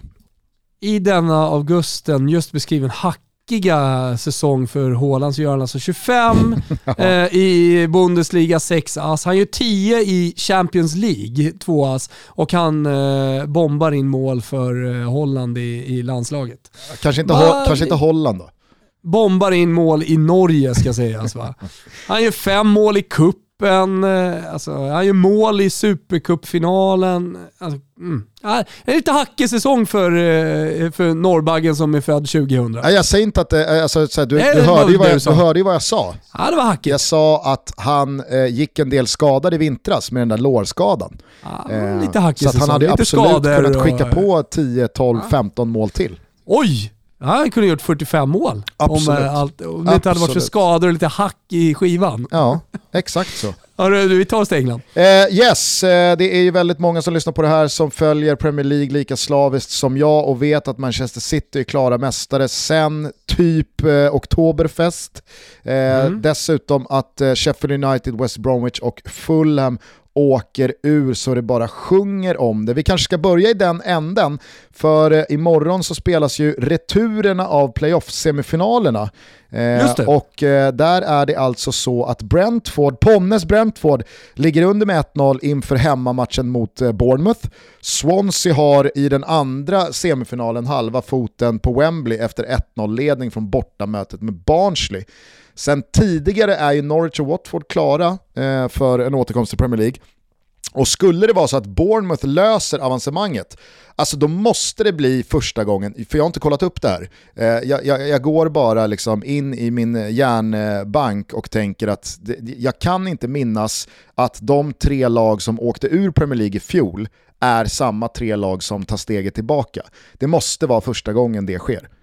Ja, jag kan inte minnas heller. Nej, eh, men som sagt, det, det, det, det är en bit kvar för Bournemouth. Först ska man eh, klara av Brentford i semifinalreturen då och sen så väntar antingen Swansea eller Barnsley i den där miljardmatchen på Wembley. Utöver det då, så är det ju inför avslutningen här på söndag störst dramatik vad gäller den sista Champions League-platsen. Liverpool löste ju genom Alison Beckers nickmål senast mot West Brom förutsättningen att de bara behöver slå Crystal Palace hemma på Anfield för att lösa en plats i Champions League. Eh, för jag tror absolut inte att Leicester kommer ta igen fyra plusmål på Liverpool eftersom de möter Tottenham eh, i, i, sin avslutning. Eh, men Leicester kan ju lösa en Champions League-plats eh, om de slår Spurs och Champions League-final klara Chelsea inte slår Aston Villa på bortaplan. Eh, mm. och Aston Villa med Jack Grealish tillbaka i laget och som eh, har bara allt att vinna och tycker det är kul att spela fotboll den sista gång den här Premier League-säsongen. Det är, ingen, det är inget lag som Chelsea bara åker och, och, och borstar av sig när det stundar en Champions League-final eh, en, en knapp vecka senare. Det är en jävligt viktig vecka för Chelsea. Pallar de där? Ha, alltså nu ser de ju så fantastiska ut och alla hyllar Torshäll med all rätt. Men, men pallar de mentalt en sån här vecka? Är, är spelarna byggda för det? Är eh, Torshäll, eh, nu får, nu får jag ju bekänna färg. Är han, liksom, är han vinnaren? Ja, som, och då eh, ska, som, vi ju, då ska vi inte glömma bort att man kommer då från en jävligt sur fa cup finalförlust förra helgen. Exakt. Så att det kan ju på två veckor bli finalförlust i FA-cupen, missat Champions League-spel och finalförlust i Champions League. Då är ju inte den här eh, säsongsavslutningen så jävla munter som jag och alla andra har eh, såklart fått den till hittills. Nej, nej, nej verkligen inte. Men ändå, alltså fan, den säsongen de gör. Alltså inte så munter för att det, det, det blir så här, åh vilken jävla bra säsong vi gjorde, men vi vann inte Champions League. Och just fan missade också Champions League, fast vi hade platsen så länge. Eh, nu är det bara spekulationer. Eh, jag tror att de grejer det är inget snack om saker, de vinner över Aston Villa. Men, eh, men som sagt, den matchen ska göras så är det någon liga där man inte räknar motivation och där man inte behöver skicka pengar till eh, motståndare för att de ska Eh, ja, men för att de ska göra sitt bästa, så är det väl i England. Där går man väl ut och krigar i alla matcher, oavsett om det gäller något eller inte. Ja, det finns ändå en del lag som har det, ut sista... Har det börjat? Ja, ja, okay. Jag vill minnas eh, om det var mot West Brom, Manchester United släppte in fem mål. Alltså det var en, eh, United spelade en 5-5 match, om det var mot West Brom eller Swansea i någon eh, säsongsavslutning här för några år sedan. Alltså det, där, där var det utcheckat kan jag säga, 5-5. United känns annars lite utcheckade, två torskar, en kryss på slutet. Eh, det är inte för att de är dåliga utan det är väl för att de helt enkelt har checkat ut. Ja, och det ska de ju ha gjort med tanke på att de har haft Europa League parallellt. Eh, först ett dubbelmöte med Roma och sen då en final här nu på onsdag. Eh, de är redan och, klara tvåor. Ointagbar andra plats liksom. Mm. Exakt, så att till slut så fattade Ole Gunnar Solskär att man faktiskt kan vila lite mm. spelare och gå på tvåans växel istället för att ställa ja. ut bästa laget och trycka gasen i botten varje jävla match. Ja, eh, så att, eh, ja, kul att se att Ole Gunnar Solskär utvecklas som tränare. Ja. Eh, West Ham löser sjundeplatsen och Europa League-spel om de tar en pinne hemma mot Southampton Alternativt att Spurs inte slår Leicester på bortaplan. Och West Ham är ju den stora positiva överraskningen i år. Declan Rice med sitt stora genombrott, Thomas Zuzek har ju gått från liksom en tjeckisk anonym mittfältare till eh, ja, en härförare på det där mittfältet. Jared Bowen, Michael Antonio, Aaron Cresswell, Kofall. Alltså, det, det, har varit eh, ett, eh, ett ruskigt rövarband som David Moyes har fått fart på, men Jesse Lingard har ju den här våren stått för den kanske mest anmärkningsvärda liksom, återuppståndelsen i Premier League-historien. Ja, i alla fall den här säsongen så är han väl liksom återuppståndelsernas återuppståndelse. Ja, men jag kan inte minnas heller om jag backar bandet att någon spelare som varit så uträknad, så utdömd, har liksom studsat tillbaka. Så pissad på. Verkligen så har studsat tillbaka och spelat en fotboll som på ett individuellt plan har varit bland de bästa i ligan, men framförallt bidragit till sitt lags enorma framgångar relativt sett. Mm. Mm. Ja, ja, verkligen. Och han är ju med i engelska truppen här nu och ska åka till EM också. Ja, den tas ju ut på tisdag. Eh, jo men, för, men med stor sannolikhet med, med stor sannolikhet är väl eh, Jesse Lingard eh, med i, i Gareth Southgates trupp. Englandsavsnittet som vi för övrigt släpper på måndag. Just det. Eh, så kan vi pusha lite för det. Eh, utöver mm. det så skulle jag vilja påstå att eh, Jack Grealish var ligans bästa spelare fram till han skadade sig i mitten på februari. Jag tycker att man ska lyfta Leeds, Bielsa, Patrick Bamford men kanske framförallt Rafinha. Som jag tror väldigt många har sett en stor spelare i den här säsongen och givetvis en spelare som kommer lämna för större uppdrag vad det lider. Eh, skulle också vilja lyfta Eberechi Esse som eh, Crystal Palace hämtade från Queens Park Rangers inför den här säsongen och som har varit ja, men den, den stora behållningen på Sellers Park eh, den, här, eh, den här säsongen. Vad gäller det negativa så tycker jag inte att man på något sätt kan liksom, vrida och vända på tabellen och insatserna och komma bort från att Arsenal återigen är en stor besvikelse. Eh, skulle man... Då har de ändå vunnit de fyra sista. Ja men det jag menar, skulle man avsluta med vinst här nu på söndag, då, då går man i mål med fem raka segrar och 15 poäng, men det är ju bara då vinster och poäng som sminkar över en jävligt deppig ligasäsong. Eh, det där brukar ju vara en, en klassisk allsvensk övning, att de sista 6-7 omgångarna så är det alltid något lag eller två lag som gasar och så tar man 12, 14, 15, 16 Exakt. poäng och så helt plötsligt så ser säsongen ganska bra ut när man räknar tabellplaceringar och poäng. Då kommer grisen där med läppstift och ögonskugga. Exakt. Så att de här 15 poängen och avslutande segrar mot ganska så beskedligt motstånd, det är ju bara smink för Arsenal. Det, det, det är en bra seger borta mot Chelsea i London-derbyt här nyligen, absolut. Men jag tror att väldigt många förstår vad jag menar. Arsenals säsong, det är, det, det är ett stort fett jävla underbetyg igen alltså. Ja, det är det verkligen. Alltså, någonting som jag tycker sticker ut från den här säsongen, det är ju Manchester Citys bästa målskytt. Och det säger väl en hel del om hur Pep Guardiola spelar kanske och att det inte behöver finnas en, en bomber längst fram. Men att Gündogan eh, med största sannolikhet vinner skytteligan i City på 13 pytsar. Ja, jag har kritat ner det här att eh, trots en svalka under våren så skulle jag vilja lyfta fram Ilkay Gündogan som säsongens spelare. Han har inte varit bäst, han har inte varit viktigast, han har liksom inte vunnit någon underkategori, men ändå så tycker jag att han är säsongens spelare. Okej. Okay. Mm -hmm. Det, mm. det, är lite så som med Raul, han är inte tia på något men han är nia på allt. Alltså, mm. Sammantaget så är Ilkay Gündogan för mig den här Premier League-säsongens mest framstående spelare. Och då, ja, då, och där vill... landar ju mycket cred på Pep Guardiola som har gjort om honom. Exakt, och, och, och jag vill vara tidig med att understryka att jag har absolut inte glömt Harry Kane här som ser ut att kunna vinna både skytteliga och assistliga, står på 22 plus 13 inför sista omgången. Kan passeras eh, av Salah vad gäller mål, kan passeras av Bruno Fernandes vad gäller assist, men alldeles oavsett hur det här slutar så har ju Kane stått för en individuellt sett otrolig säsong. Ja, vad var det läppläsarna hittade eh, på Twitter här? Eh, vad, fan är, vad är det för mening ens? Hur säger man det på engelska? Eh, alltså, vad spelar det för roll? Fuck does it matter, eller han säger någonting liknande eh, under någon match. Alltså, eftersom han omgärdas av flyktryk flyttrykten, Gusten. Ja, det är väl inte bara rykten. Han, han snackade väl själv här i Gary Nevilles podcast i dagarna om att eh, han, han vill lämna. Podden. Ja, exakt. Han har varit väldigt tydlig med det. Men, men ja, mm. det, det, det, är den största den st stora flytten ju såklart eh, från något lag. Exakt. Stora skadan har ju givetvis ingen missat. Eh, Van Dijks eh, knä som Jordan Pickford trasade sönder tidigt in i säsongen. Men jag skulle också vilja lyfta fram Raúl Jiménez som åkte på den där huvudskadan borta mot Arsenal Absolut. i höstas. Och att det liksom bidrog till Wolves stora icke-säsong. Mm. Och vad händer med honom? Vad har vi för liksom, uppdatering på Raúl Jiménez?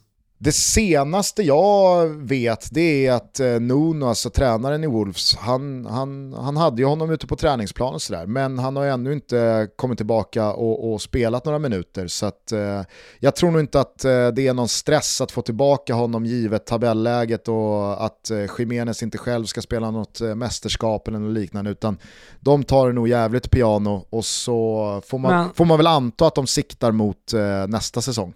Det, det, det enda är att jag såg att han var uttagen i Mexikos trupp. Eh, sen så exakt om det är en Granen-roll eller om eh, den mexikanska förbundskaptenen har tänkt att han ska liksom spela, det har jag ingen aning om. Men han är i alla fall uttagen eh, och tänker åka. Ja, nej men alltså så här, och det, det, är väl det som har kommunicerats. Att, alltså, han flyttade ju ner från läktaren till träningsplanen redan i typ februari. Eh, men eh, han har inte spelat Premier League-fotboll för Wolves eh, någonting. Så att, eh, det, det, det, tror jag att han inte har gjort för att han inte har varit eh, i, i, speldugligt skick såklart. Så att, eh, ja, Mexiko, de, de kanske skiter i det och bara blåser på ändå. Kan han träna så kan han spela. Toto Balotto är sponsrade av NLY Man och nu har jag en fråga till dig Thomas. Mm -hmm. När du rensar ut en gammal garderob eller rensar ut ett gammalt garage, Brukar du eh, kränga de grejerna för svindyra priser eller brukar du vara ganska generös då? Bara för att ja, men nu har du ändå gjort fint och rensat här och du vill ha luftigt och så vill du att någon ska ja, ta över de här grejerna. Nej, jag ger alltid bort. Eh, det är ju fantastiskt med återvinningsstationerna. Där finns det alltid möjlighet att ge bort alla prylar. Det är ju precis det här nu som också sker hos Va? NLY Man, för de ska nämligen flytta hela sitt lager. Därför kommer det vara extremt bra priser på deras sajt när nu lagret ska rensas ut. Ett nytt lager från sommaren kommer innebära ännu snabbare leveranser till hela Sverige. Ännu snabbare? Exakt. Här vill vi betona ordet ännu för att Enneli man är, eh, alltså, de är som eh, blixten. de är jakthundar. När det kommer till leverans. Och det finns faktiskt olika alternativ vad gäller leveranser. Det finns standard, det finns snabb, det finns till Instabox och så finns det givetvis hemleverans. Kör mycket Instabox här, jag ska bara säga det. Inte för att det har någonting med spotten att göra, men jag kör mycket Instabox. Slutspurten av maj i kombination med denna lagerflytt innebär således att NLY Man är extra generösa till Toto-lyssnarna. Ni vet ju att koden TOTO20 ger er 20% rabatt eh, till och med den 31 maj. Men nu, under den här lagerrensningen, så ger koden TOTO10 10% extra rabatt från och med den 20 maj. Ja, det är faktiskt helt otroligt. Jag vet inte. Ja, jag måste in och kika jeansbrandsen. Eh, de har ju marknadens mest uppdaterade denim-sortiment. Alltså de har sportprylar eh, som du ska träna. Och det viktigaste av allt, man kan gå in på NLY Man och känna sig trygg. Det är stylish and fit. Det är liksom, ja, man kan välja och vraka och ta egentligen vad som helst så blir man snygg. NLYman.com, koden TOTO20, koden TOTO10. Ja, det är bara att köra. Maj månad ut, vi säger stort tack till NLY Man för att ni är med och möjliggör Toto Balotto. Stort tack. Bakom toppen i skytteligan så tycker jag att det är kul att eh, Patrick Bamford, Dominic Calvert-Lewin och Ollie Watkins som alla slåss om lite samma plats i det engelska landslaget eh, har gått starkt och gjort fina eh, målsäsonger. Eh, mm. Jag tycker att säsongens tränare fan blir Thomas Tuchel. Eh, alltså David Moyes får kapitulera här. Eh, Tuchels intåg har varit för remarkabelt. Eh, för mig är det Pep Guardiola och han, eh, för mig är han given. Ja, alltså men vi, det, vi, vi, det, han ändå vi kan såklart dela ut ett jättefint och högt betyg till, till Pep Guardiola också. Bakom honom? Bakom honom, okej. Okay. Eh, ett trist historiskt kapitel som skrivits den här säsongen, det är ju Kun Agüeros avslutning i Manchester City. ja, faktiskt. Sån jävla liksom... Eh, Lite Totti på den. Ja, alltså inga jämförelser i övrigt och absolut inte Nej. på samma nivå. Men eh, alltså Kun Agüero har ju verkligen varit ansiktet utåt och liksom sigillspelaren för Manchester Citys nya mm. era som klubb rent historiskt. Och att han då efter tio år och meste målskytt i historien och så vidare slutar så här, äh, det känns, det känns bara liksom jävla trist för alla inblandade. Mm. Ah, jag håller med. Eh, det, det, hade varit, jag hade fått smälla in någon, eh, någon balja här i sista matchen. Mm. Ja, vi kan väl hoppa hoppas. in i Champions League-finalen och avgöra. Då, jag menar, då, då blir det väl det där fina slutet som man, som man vill ha. Väl? Hör du, det var Premier League. Ska vi ta oss till eh, Serie A och Italien där det är rejält spännande bakom Inter och Atalanta? Ja, det är det. I och med att eh, Atalanta tar emot Milan i den sista omgången och Milan måste vinna för att eh, gå till Champions League. Och då har de alltså haft, alltså det, det, de har haft den där Champions League-platsen sedan starten. Eh, de, eller de har ju till och med fram till typ 17 omgången ledigt eh, Serie A. Eh, och, och sen så att de skulle tappa Champions League-platsen i den sista 38 omgången, ja, det hade varit otroligt. Men alltså, de möter ett riktigt bra Atalanta, de är piskade att vinna för att eh, jag drar bara poängställningen så vinner ju Inter, vi kommer till dem, på 88 poäng. Eh, Atalanta 78 tvåa just nu. Milan 76, Napoli 76, Juventus 75. Man måste ta för givet att eh, Juventus vinner över Bologna borta och att Napoli slår Verona på hemmaplan i den sista omgången. Verona har ingenting att spela för och eh, samma gäller Bologna som står på 41 poäng. Eh, bakom Verona och kan väl inte riktigt komma ikapp heller och, och sno en placering. Så att, det, det, det är två utcheckade lag. Kollar man de senaste sex matcherna också för både Bologna och Verona så är det liksom inte en vinst utan det är bara förluster och oavgjorda matcher. Så att, att Napoli och Juventus vinner, det kan vi vara ganska säkra på. Dessutom lite självförtroende och lite boost inför den här sista matchen också efter Coppa Italia-segern för Juventus. Eh, så ja, Milan piskade att vinna i den sista omgången. Det, det, det, är, det, det är förutsättningarna. Eh, kan väl bara kort säga någonting om eh, matchen i veckan här eh, mellan Lazio och Torino där Ciro Immobile alltså missar en straff med fem minuter kvar. Ett mål som hade då inneburit att Simone Inzaghi, Lazios tränares bror, Pippo Insagis Benevento hade haft chansen till att överleva vid seger mot Torino i den sista omgången. Men när då Immobile bränner och matchen slutar 0-0 på Olympico så tar Torino den där sista nödvändiga poängen för nytt kontrakt. Alltså, jag undrar hur konversationen och kommunikationen gick mellan bröderna Insagi där eh, i, var det tisdags, onsdagskväll? Mm. Ja, men alltså, det är klart de pratar med varandra. De är brorsor. Eh, jo men alltså det, på vilket det... sätt? Hur, hur det lät? Mm. Ja, det är klart, eh, klart, att, eh, klart, att, det är klart att Simone sa att vi löser det här. Ja, fy fan vilket jävla surt, surt sätt att åka ur på. Mm. Ja, jag vet. Det, det, men de får skylla sig själva. De leder med 1-0 till den 94 minuten mot Crotone. Och hade de bara hållit det så, så hade det inte varit någon snack. Men en av säsongens spelare när vi nu summerar Serie A är ju Simi i eh, Crotone som alltså åker dunder ur. 22 poäng eh, tar de i, i årets eh, Serie A, men eh, Simi, han gör alltså 20 pytsar. Säger du att de tar 22 poäng i årets Serie A för att du har räknat in en stenklar trea för Fio här i avslutningen eller? Såklart jag gör. Såklart jag gör. Det är körning i Fio nu också. Ja. Eh, kan väl bara fylla på det där du sa där, att det alltså var då Simmy som kvitterade mot Benevento i 93 här senast. Det är ja. därför Benevento ja. får skylla sig själva. Men jag håller med dig helt och hållet, vilken jävla säsong Simmy gör. Mm. Ah, han gör en otrolig säsong. Eh, det är många som gör riktigt bra säsonger i Inter. Eh, Juventus eh, kanske är årets besvikelse ihop med Torino och Cagliari. Men i toppen så är det, så är det Juventus eh, där eh, P, tränarskiftet där Pirlo kom in inte har slagit fullt ut. Eh, Ronaldo starkt ifrågasatt, det är han ju för de stora matcherna. Han gör 29 mål i, i Serie A, så att hej, det, det, det, är väl en helt okej okay säsong trots allt. Men för honom så gäller inte det. Nej. Utan då måste man vara bäst när det gäller. Och man har ju då plockat ut de här säsongsdefinierande matcherna. Definierande matcherna. Eh, de stora fighterna. Och där har han inte levererat och det var därför han köptes och därför får han kritik. Mm. Eh, Pirlo står på sig, han ska leda laget till nästa säsong, eller under nästa säsong också. Allting återstår att se. Det finns många på waiting list Supreme som gärna tar över Juventus. Inte minst då Zinedine Zidane och Max Allegri. Eh, tar man eh, Champions League-platsen, vilket jag tror ändå att man gör för att Atalanta tar poäng mot Milan, ja då är det eh, då, då, då, då, kan man börja snacka om Allegri och Zidane på allvar. Jävlar vad glad ändå Pirlo blev där vid slutsignalen vid Coppa Italia-finalen. Ja, det, det, är en viktig match.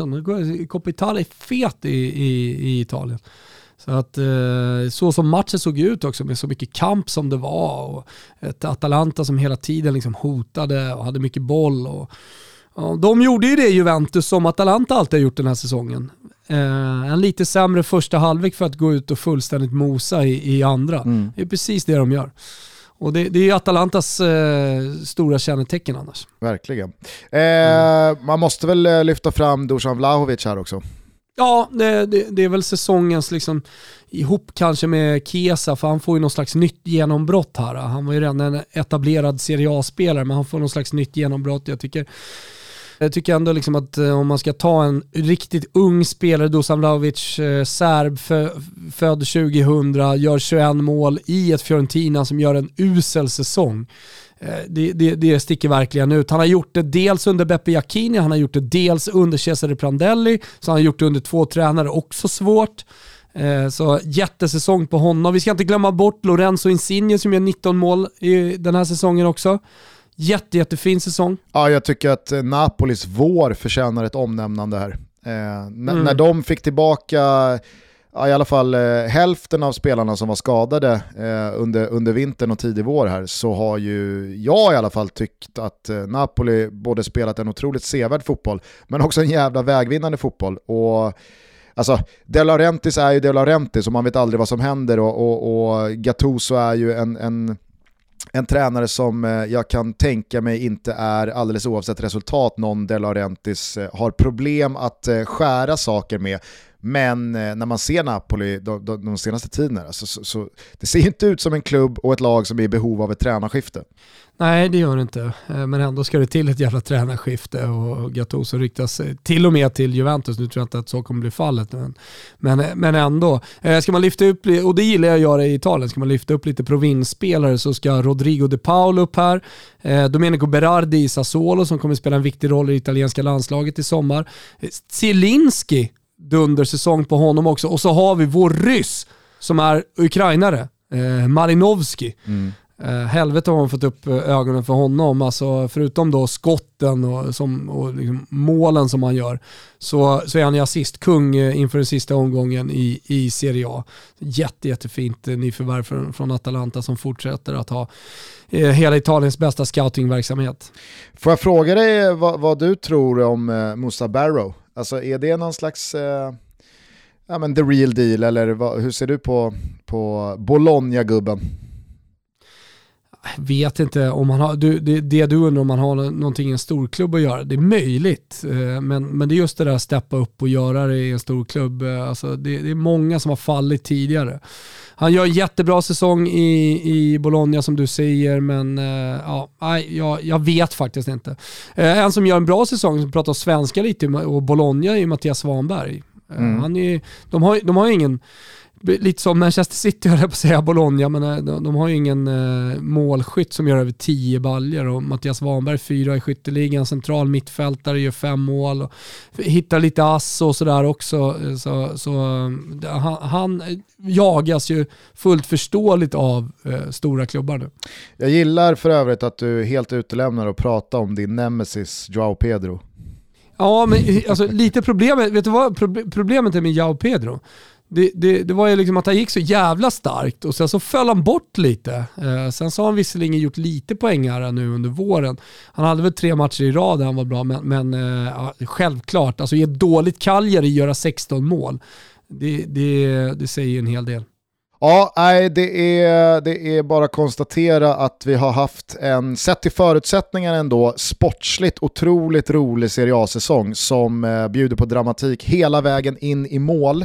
Eh, det är eh, avspark för den 38 och sista omgången på söndag 20.45.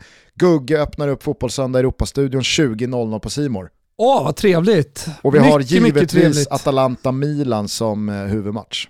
Ja, det kommer ju bli liksom sista kvarten i Atalanta-Milan som kommer vara så jävla stökig och, och bråkig. Jag tror att det är matchen liksom att, att, att, att följa om det är någon som söker dramatik. Jag tror att de andra klubbarna bara vinner.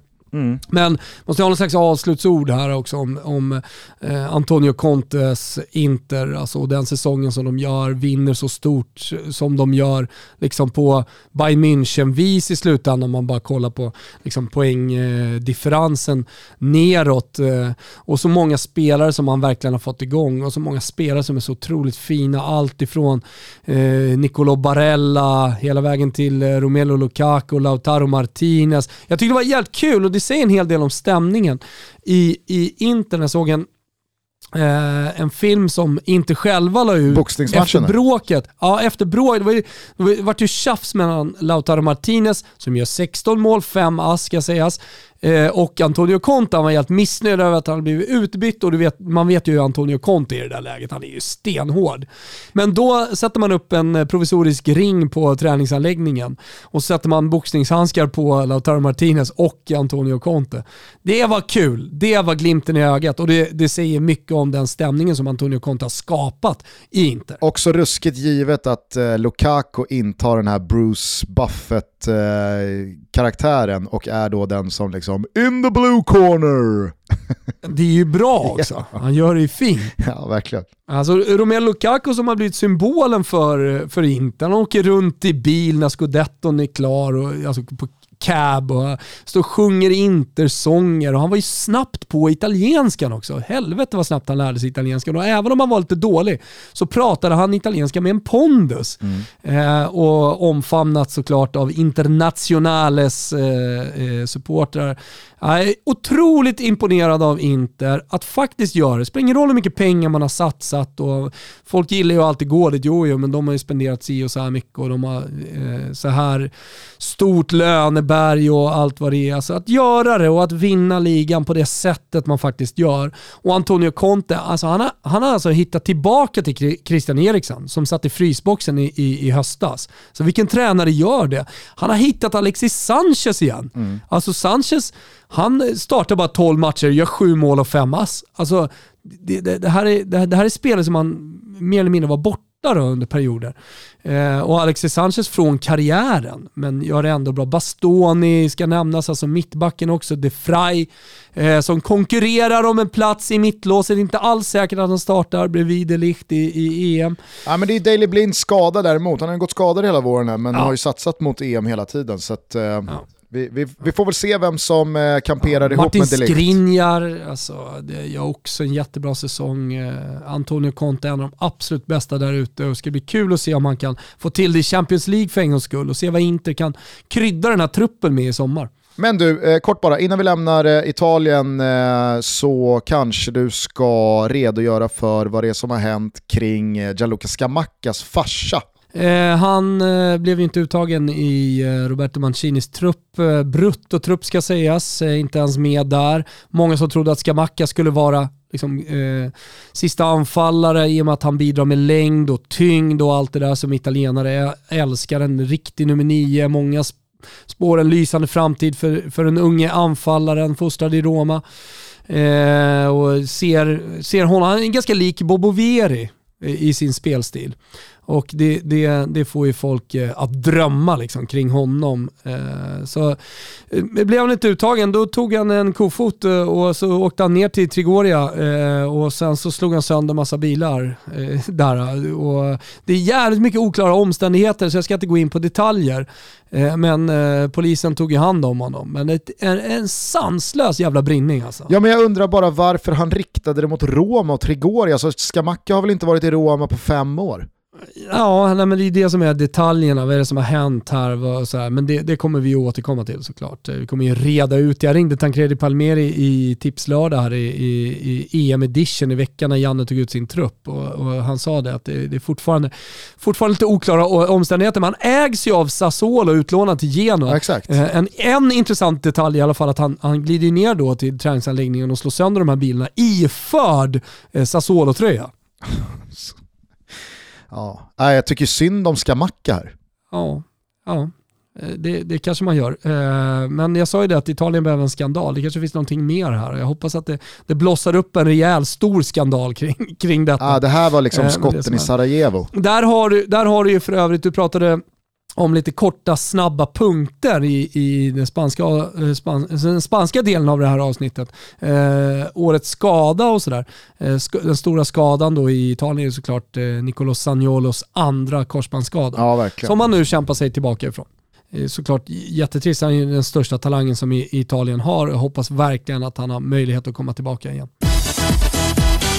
Toto Balotto är sponsrade av Pepsi Max. Tompa, nu börjar det ju dra ihop sig inför Champions League-finalen nästa lördag 29 maj. Och vet du vad som är synonymt med Champions League-finaler? Pepsi Max. Ja, dels det, men också stora, pampiga, maffiga, härliga inför-akter som kickar igång ja, festen. Ja precis, eh, vi såg ju alldeles nyligen här eh, Jan Andersson ta ut truppen. Då skulle det vara pampigt på scen med, med alla möjliga olika grejer. Det ja. vart inte så pampigt, men Champions League... Det var Kristin Kaspersen och knastrigt ljud. Exakt. Det var väl det som skedde. Eh, du var väl fan på plats i Cardiff när Black Eyed Peas gick ja. under med en av de sämre eh, showerna. Ja, det var ing ingen, ingen höjdare. Vad händer nu då? Ja, men nu så är det fan next level. I år så är det Marshmallow. Uff. Lyssnar dina döttrar på Marshmallow? Jajamensan. Happier har väl typ ja. en och en halv miljard spelningar på Spotify. Men det är Marshmallow alltså som kickar igång kalaset eh, i Portugal lördag 29 maj inför Champions League-finalen mellan Manchester City och Chelsea. Och det är Pepsi Max som är så jävla stolta presentatörer av detta. Är det? Ja. Wow. Pepsi Max fixar. De är inte bara en jävligt god dryck, de är även eh, fixare av pampiga tillställningar när det gäller fotboll. Ja, men nu kommer det till mig, Pepsi Max, vet du vad de är? De är festfixare. Festfixarna Pepsi Max. God dricka, bra ja. musik, fotboll som stundar. Verkligen. Ja, det är otroligt. Vi säger stort tack till eh, Pepsi Max eh, som är med och inte bara festfixar utan också möjliggör Toto Balotto. Det gör vi. Stort tack. Hörru, ska jag bara kort Eh, summera den första fjärdedelen av allsvenskan också här nu inför den sista omgången pre-EM före innan vi stänger ner dagens episod. Jag föreslår fan, det är ett långt avsnitt. Eh, jag tycker att vi tar eh, åttonde omgången i mål och sen så gör vi en summering så sparar vi lite allsvenskan för mycket kan fortfarande hända. Ja det kanske är klokt. Vi har snart varit igång här i en och en halv timme så det, det, det, det, det är fint att höra att du har huvudet på skaft. Ja, men eh, man försöker. Man försöker. Hörni, eh, njut så mycket ni kan av eh, den sista ligaomgången ute i Europa här nu under helgen. La Liga kickar igång redan ikväll. Det är Premier League på söndag, det är Serie A på söndag med tillhörande Fotbollssöndag Europa och imorgon så öppnar jag upp studion på Simor 17.30 inför titelstridsavslutningen i La Liga. Det blir jävligt fint, missa inte det. Allting går på Simor så det är bara att skaffa ett abonnemang och göra det nu. Ja, jag kommer inte missa en sekund av er, förutom då när jag står i min egna studio på söndag och kör tipslördag här. Det blir full jävla fräs med målpling och vi följer alltihopa, ringer ut i Europa. Eh, så att eh, ja, ni har second screen och ni har first screen att eh, ratta in i helgen. Vi eh, har givetvis eh, satt ihop en tuttotrippel här nu inför den här fullmatade helgen. Jag kan börja med att konstatera att Gnaget kommer slå Mjällby på Friends Arena. AIK har ju den här säsongsinledningen gnuggat fram resultat, det har inte sprudlat, det har inte sprakat om laget speciellt många halvlekar, men man är oerhört snåla bakåt, man är tunga framåt, det finns rutin, det finns vinnarskallar, det finns en erfarenhet som jag tycker borgar för att man inte missar chansen att eh, sy ihop säcken här den här fina våren resultatmässigt och lugga Mjällby på tre poäng och positionera sig fint inför uppehållet. Så att rak seger för Gnaget. Ja, jag skriver under på den. Jag tycker de ser tunga ut. Fyller på med att Sassuolo vinner eh, mot eh, Lazio och då kanske man undrar varför då. Ja, men I och med att Sassuolo har chansen att eh, ta sjundeplatsen av Roma och Lazio är klara sexa, ingenting att spela för, så skulle inte de hata om eh, Roma hamnade utanför Europa. Samtidigt tycker jag att Sassuolo är mycket mer ett Conference League-lag. V vad bryr sig Roma om det? De kanske saknar lite motivation i den sista matchen. Nej, kanske de inte gör, men jag är ganska säker på att Sassuolo gör en riktigt bra match mot ett utcheckat Lazio, så därför spelar jag dem rak. På tal om utcheckade lag, Sampdoria möter Parma som är eh, är tvärsist i tabellen som har radat upp förluster här mot slutet. Eh, vi tror att Sampdoria vinner i säsongsavslutningen, gammelgubben Quagliarella jagar eh, finare siffror eh, när eh, vi ska göra bokslut i skytteligan. Äh, men jag tror att Ranieri är helt rätt tränare en sån här match att motivera sitt lag att det är väl klart som fan vi ska avsluta med en seger hörni. Även, ja, fast, jag, inte kommer, eh, även fast det inte kommer förändra någonting tabellmässigt och så vidare. Så att rak seger Samp hemma mot Parma. Ja, nej men alltså, du, du, är helt rätt. Uh, man gör en riktigt bra säsong, då vill man ju avsluta med så mycket poäng som möjligt den säsongen. Så, Sampdoria går in i den här matchen och kommer faktiskt vara, äh, men de kommer vara bra. Uh, Albin Ekdal garanterar. Rak seger Sampdoria, rak seger Sassuolo och rak seger Gnaget. Man får åtta gånger pancettan på den här trippen. Det är bara att rygga. Den finns under godbitar och boostade odds hos Betsson. Ni behöver vara 18 år fyllda för att rygga den. Och så finns stödlinjen.se alltid öppen för dig eller er som känner att ni har lite problem med spel. Men eh, Exakt. för alla er som kan och vill, var med oss på den här trippen, var med oss i helgen, kolla tipslördag, kolla fotbollssöndag Europa. Ta er en Pepsi här nu, det är fredag för fan och sommaren står för dörren. Jajamän, ta en sommar-Pepsi nu i helgen. Passa på att liksom knäcka upp de där riktiga med citron, lime, is eh, och, och njut. Njut ordentligt. Nu ska jag gå ut och bygga med en pallkrage. Ja, men du gör en pall här också till eh, kontoret så vi kommer upp på taket. Just det. Eh, Tutski Balutski, Tyskland, idag på måndag är det England, sen återstår det faktiskt bara tre avsnitt. Sverige, Spanien och Belgien. Fy fan, nu är det nära Tompa. Ja, nu är det nära. Nu är det nära! Underbart är det! Eh, vi hörs eh, på måndag igen. Ha en fin helg, ta hand om varandra. Ciao tutti! Ciao tutti!